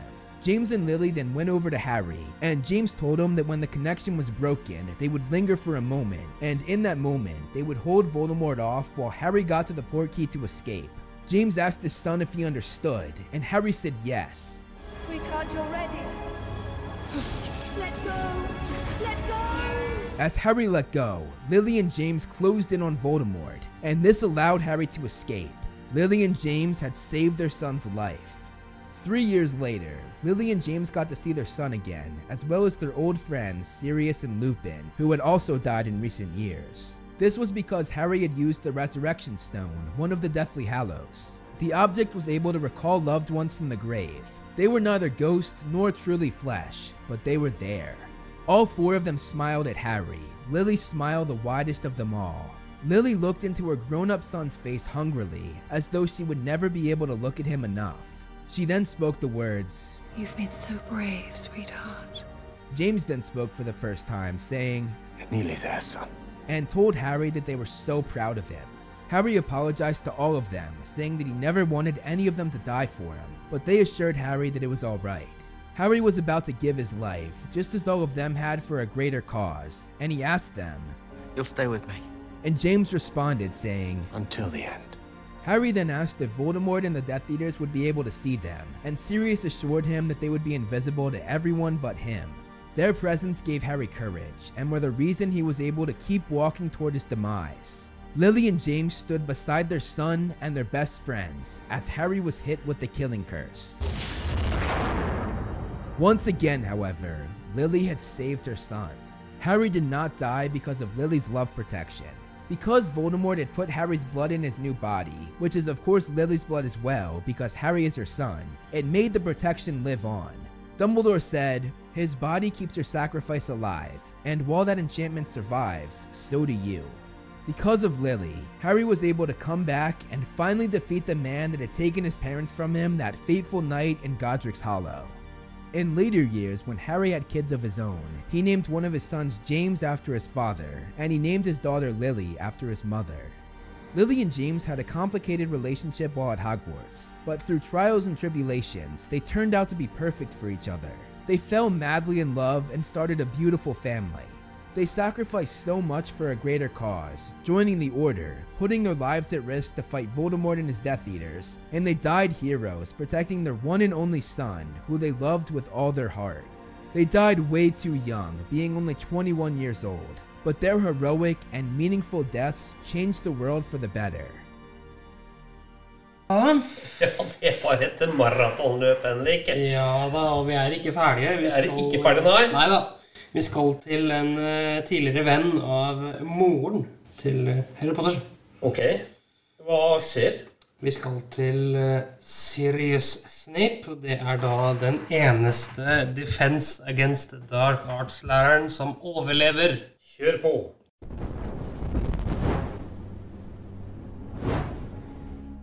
The Harry Potter books are some of the most detailed stories ever written, and the character who is probably the most complicated and has the most detail is Severus Snape. I'm going to tell his entire life story, starting from when he was a little boy all the way to his death. Severus Snape was born to a witch mother named Eileen Snape Prince, Prince being her maiden name, and his muggle father, Tobias Snape. He grew up down on Spinner's End by the river, which was not the nicest place to live. Snape's parents argued constantly, and he couldn't wait to turn 11 and leave for Hogwarts to get away from them. His father was extremely hard to please and was described by Snape, who said, he doesn't like anything much.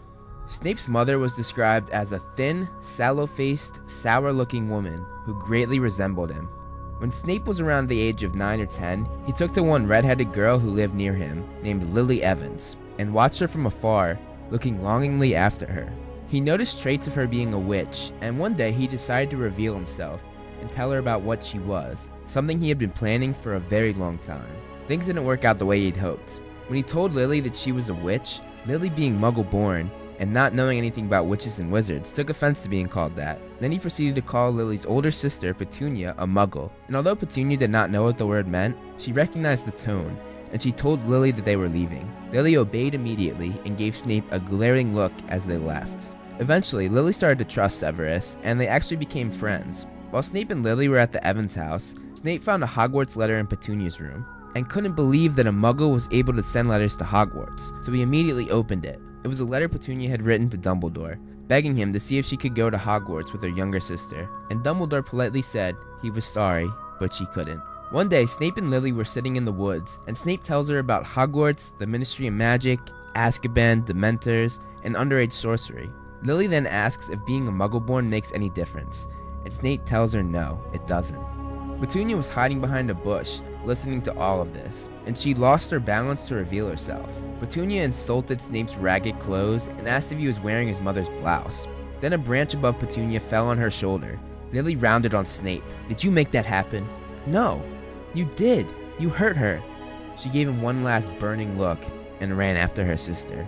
When it was finally time to go to Hogwarts, Snape watched Lily and her family at platform 9 and 3 quarters, and he heard Petunia say that she didn't want to go to Hogwarts, and she said that Lily and Snape were weirdos going to a school for freaks.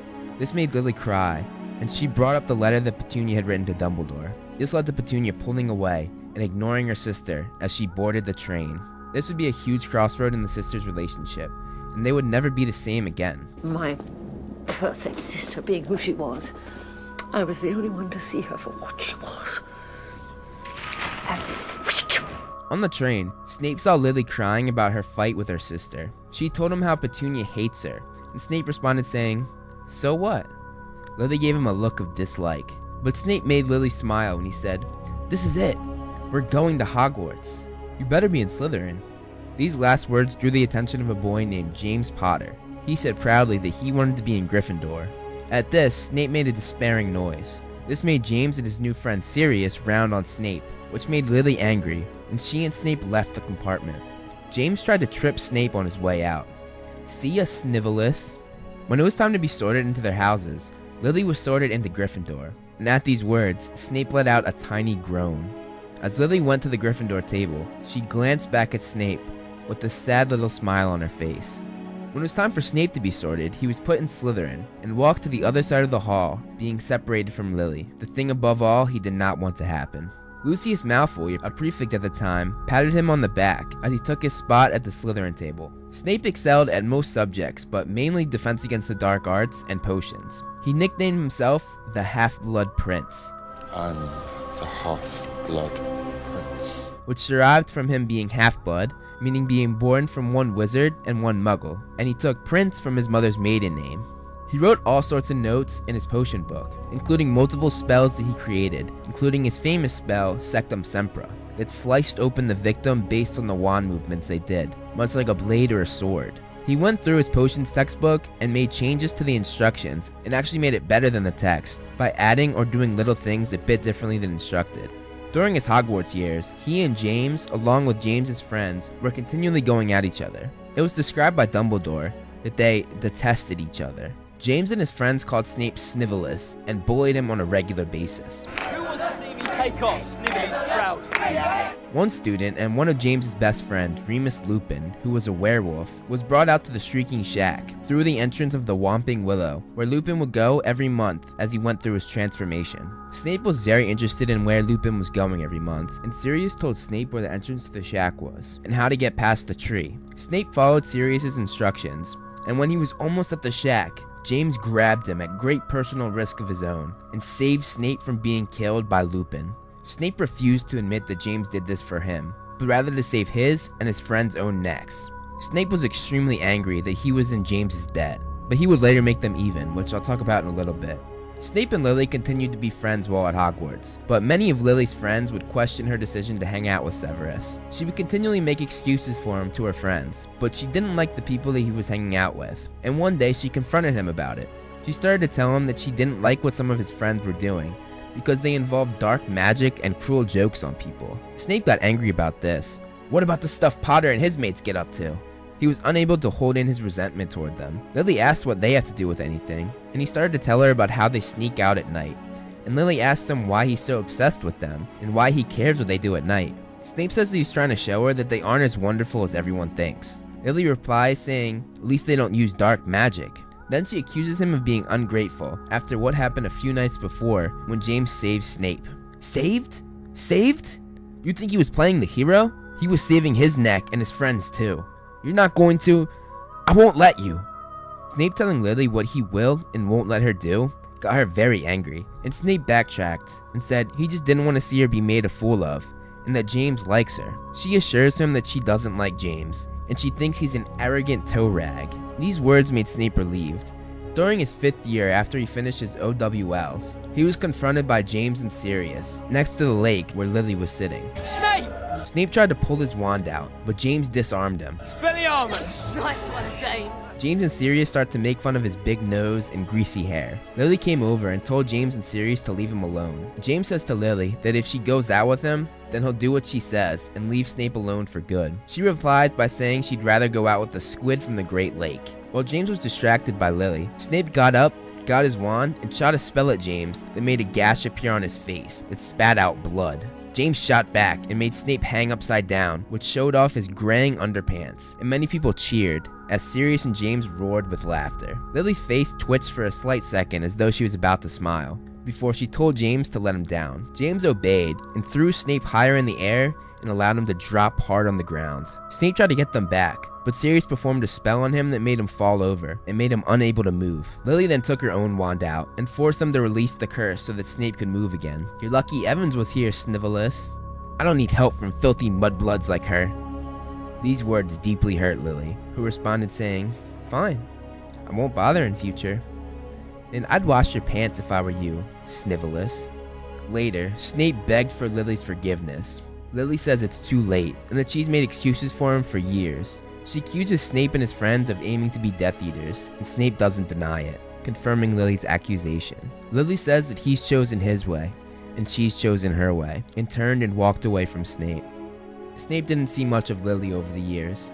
He moved on to his dreams of becoming a Death Eater and joining Voldemort, while Lily settled down with James, which I'm sure destroyed Snape, seeing the love of his life with his worst enemy. Snape served the Dark Lord as one of his loyal Death Eaters, and on Voldemort's orders, Snape went after a teaching job at Hogwarts so he could spy on Dumbledore for him. One day, Snape overheard a conversation between Sybil Trelawney and Dumbledore, where Trelawney foretold of a prophecy that would later be associated with Harry and Voldemort. He goes to Voldemort and tells him about the prophecy, and Voldemort realizes it could either be about Neville Longbottom or Harry Potter, and he decides to go after Harry Potter, the son of Lily Potter, the love of Snape's life.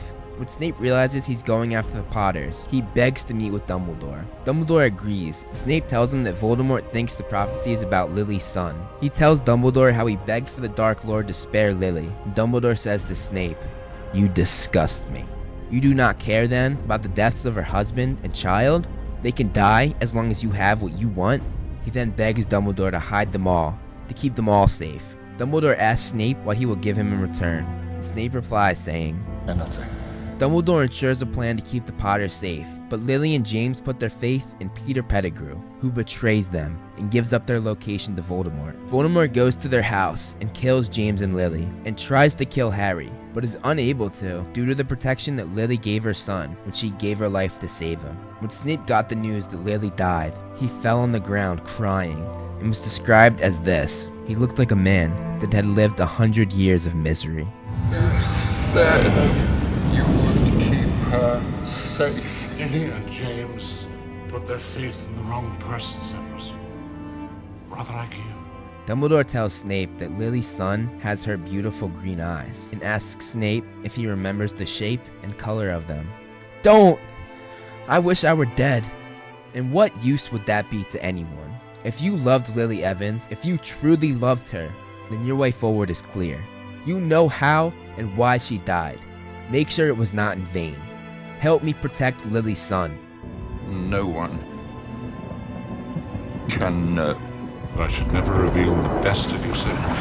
After Voldemort's demise, Snape continues to teach at Hogwarts as the Potions Master, and when the head of Slytherin House, Horace Slughorn, retires, Snape takes up the post as head of the house. When Harry first arrives at Hogwarts, Snape immediately treats him poorly, his way to spite his worst enemy, James, Harry's father. Dumbledore tells Snape to keep an eye on Quirrell, the Defense Against the Dark Arts teacher, and he does just that. You don't want me as your enemy, Quirrell. On Halloween, a troll is led into the school, and while everyone is taking care of that, Snape realizes that Quirrell was the one that let the troll in, and he was using it as a distraction to go get the Philosopher's Stone. Snape follows him to the entrance, where a three-headed dog is guarding it. He stops Quirrell, but he sustains an injury to his leg from the three-headed dog. Later that year, when Quirrell tries to jinx Harry's broomstick during a Quidditch match, Snape performs counter curses trying to save Harry. Snape protects Harry all year, Dumbledore believes that this was his way of making him and James even, after James saved his life all those years ago. Then he could go back to hating your father's memory in peace. The next few years, Snape continues to mistreat Harry and his friends, and favor students from his own house, such as Draco Malfoy. During the events of Goblet of Fire, Snape's dark mark, the mark of the Death Eaters, begins to get darker, meaning Voldemort is gaining more life and getting more power. It's a sign, Severus. You know what it means as well as I. At the end of the term, Voldemort finally returns to a full and complete body, and he calls all of his Death Eaters back to him. Snape does not return. Later that night, Dumbledore sends Snape on a secret mission to spy on Voldemort and tell Voldemort that Dumbledore sent him, making him a triple agent, still loyal to Dumbledore. He returned to Voldemort just as Dumbledore said, two hours after all the other Death Eaters. And he explained to Voldemort that the reason he stayed at Hogwarts after his demise was because he, like so many others, thought the Dark Lord was finished. And having Dumbledore as his alibi was a good protection while all the other Death Eaters were being questioned and locked up. Severus Snape was indeed a Death Eater, and prior to Lord Voldemort's downfall, turned spy for us at great personal risk. Today's no more a Death Eater than I am. Voldemort didn't complain to this because Snape had many years of information on Dumbledore. Snape continues to pretend to be on Voldemort's side, on Dumbledore's orders, and feeds him useful information, but doesn't give him the most crucial details. Snape's skill in occlumency, meaning mind reading and blocking others from reading your mind, was matched by no others but Voldemort himself, and Snape was able to block Voldemort from reading his minds, ensuring that his cover was not blown. Snape would continue to play as a triple agent and would join the Order of the Phoenix, the allegiance Dumbledore formed to fight Voldemort and his Death Eaters, and would reveal information to Voldemort about the Order, just as Dumbledore had requested. Voldemort still having no idea that Snape was still loyal to Dumbledore, and not him, showing just how powerful Snape was at Occlumency. The summer before Harry's sixth year, Dumbledore came to Snape after he had put the Gaunt Ring, one of Voldemort's Horcruxes, on, and the curse threatened to take over his whole body and kill him. Snape came and stopped the curse from spreading past Dumbledore's hand. Dumbledore asks Snape how long he has to live before the curse will kill him, and Snape tells him he has maybe a year to live. Dumbledore then brings up the plan that Voldemort has to have Draco Malfoy kill him. We both know Lord Voldemort has ordered the Malfoy boy to murder me. This was punishment for his father Lucius's many failures, like a few months earlier, where he failed to get the prophecy. Dumbledore tells Snape to find out what Draco is up to and offer him help and guidance. Dumbledore then tells Snape that he must be the one to kill him. You must be the one to kill me, Severus. It is the only way. His reasoning being that he's going to die in a year anyway, and he doesn't want Draco to go down a dark path. That boy's soul is not yet damaged. I would not have it ripped apart on my account. It takes a bit of arguing, but Snape finally agrees, and Dumbledore makes him promise that when he's gone, Snape will make sure that the children of Hogwarts are always safe. Before the start of term, Draco's mother, Narcissa Malfoy, accompanied by her sister Bellatrix, come to Snape in Spinner's Ends, and Narcissa asks him if he can watch over Draco and help him complete the task that Voldemort gave him. It is here that Bellatrix questions him and his loyalty to the Dark Lord, and to test that loyalty, she tells him to make an unbreakable vow, saying that he will watch over Draco, and if Draco should fail to kill Dumbledore, Snape himself will finish the task. If you break an unbreakable vow, you die. At the start of term, he notices that Tonks Patronus has turned into Lupin's. In the magical world, if you love someone enough, your Patronus will match whatever the love of your life's Patronus is. And this is the case with Tonks, who is in love with Lupin. Snape sees this and comments on it. Snape tried to help Draco during the school year, just as he promised Narcissa and Dumbledore. But Draco refused help, saying he didn't want Snape to steal his thunder. I swore to protect you. I made the unbreakable vow. No! I was chosen. This is my moment. One day, Snape and Dumbledore get in an argument, Snape saying that Dumbledore doesn't trust him, and that Dumbledore took too much for granted. He said he didn't want to kill Dumbledore anymore, and that Dumbledore was asking too much of him. Has it ever crossed your brilliant mind that I don't want to do this anymore? Dumbledore replies saying that he gave him his word, and that Snape should meet him later that night. It is here that Dumbledore finally confides in Snape. He tells Snape that a time will come when Voldemort starts to fear the life of his snake Nagini, and when that time comes, he must tell Harry the truth. The truth that on the night when Voldemort tried to kill him, part of Voldemort's soul was ripped apart and it latched itself onto Harry. And if Voldemort is to be killed, Harry must first die, and Voldemort himself must be the one to kill him. Snape looks at Dumbledore questioning everything and gets angry. I thought all these years we were protecting him. For her. For Lily. You've kept him alive so he can die at proper moment. You have used me. I have spied for you and lied for you, put myself in mortal danger for you. Everything was supposed to be to keep Lily Potter's son safe. Now you tell me that you've been racing him like a pig for slaughter? Have you grown to care for the boy after all? For him? Snape then takes out his wand and casts his Patronus, a silver doe, the same Patronus as Lily. Dumbledore turns to Snape with tears in his eyes. Lily, after all this time, always. A few months later, Draco's plans to kill Dumbledore finally come into play, but he isn't able to do it. Instead, Snape comes up and does what he promised Dumbledore he would do one year earlier. Snape fled Hogwarts with Bellatrix, Draco, and a few other Death Eaters, but Harry was trying to stop him before he actually escaped. Snape blocked all of Harry's curses with ease, until Harry called him a coward. Fight back! You coward, fight back! A coward. This was the thing that Snape was farthest from. The man who gave up everything for this boy. The man who loved this boy's mother more than anything in the world. The man who put himself in mortal danger every day to protect him. He was not a coward. Snape's face was suddenly demented, inhuman, as though he was in as much pain as the yelping, howling dog stuck in the burning house behind them. Don't call me a coward. After the incidents that took place that night, after Dumbledore's death, Snape continued to speak to Dumbledore's portrait. The portrait tells him to tell Voldemort the correct night that Harry is leaving Privet Drive, so his loyalty to Voldemort is not questioned. But the portrait also suggests making the Order use decoys to ensure Harry's safety. Snape then meets with Mundungus Fletcher in a tavern and confunds him, meaning he used one of the three unforgivable curses to make Mundungus do his bidding.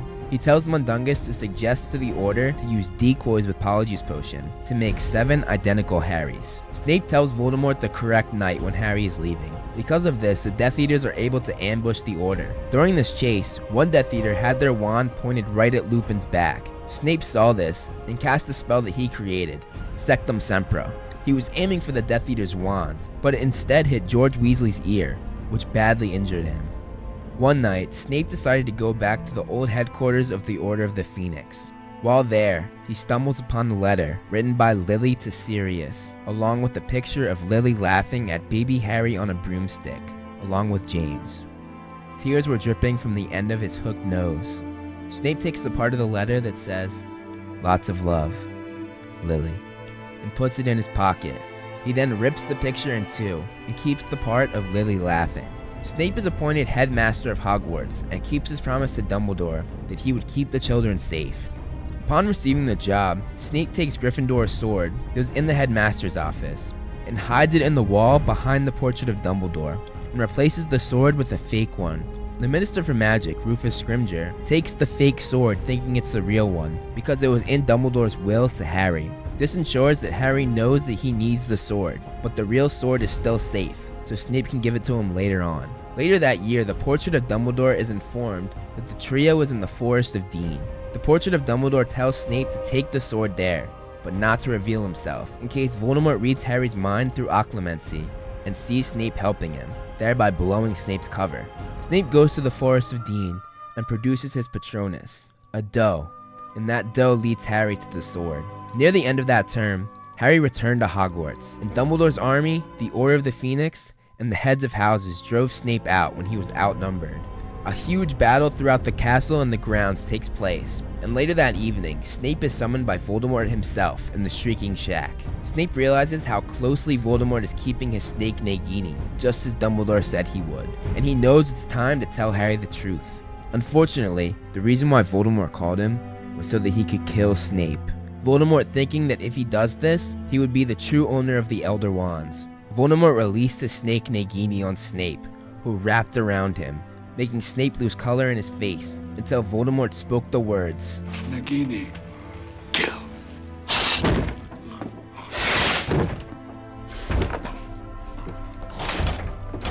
Harry took off the invisibility cloak and looked down upon the man he hated, whose widening black eyes found Harry as he tried to speak. Take them. Memories poured out of Snape, and Harry put them in a flask. These were the memories that told Harry the truth. The truth of Snape being a triple agent. The truth that he was always loyal to Dumbledore. The truth that Harry must die in order for Voldemort to be killed. The truth that Snape loved Harry's mother. The green eyes found the black eyes. You have your mother's eyes. But after a second, something in the depths of the dark pair seemed to vanish, and Snape moved no more.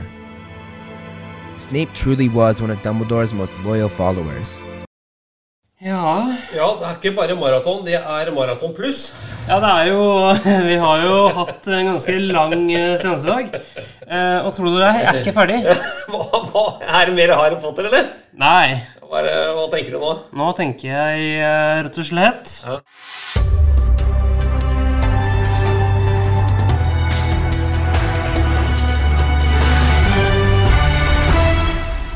NRK-hjørnet.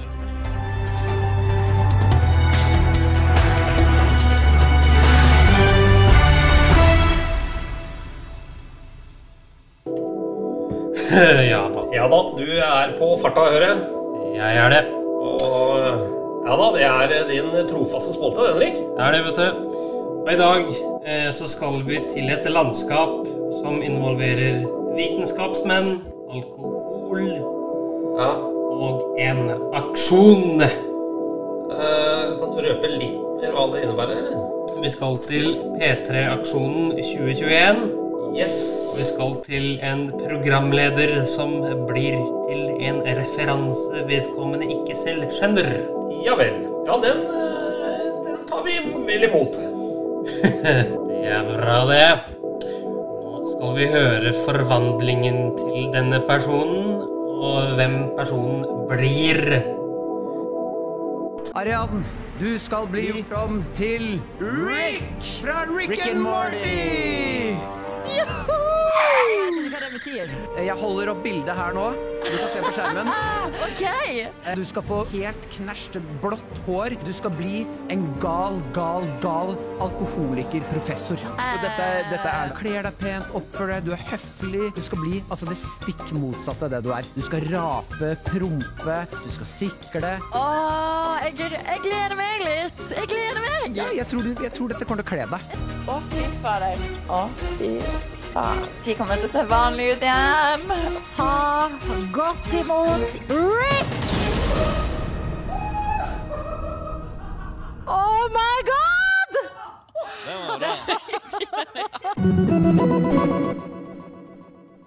Herlig. ja Det er noe som kler seg ut. Det skal vi gjøre òg, Henrik. Ja, men som hva da?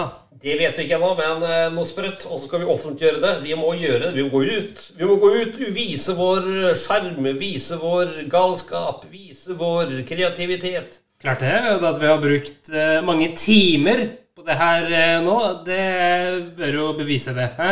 Absolutt.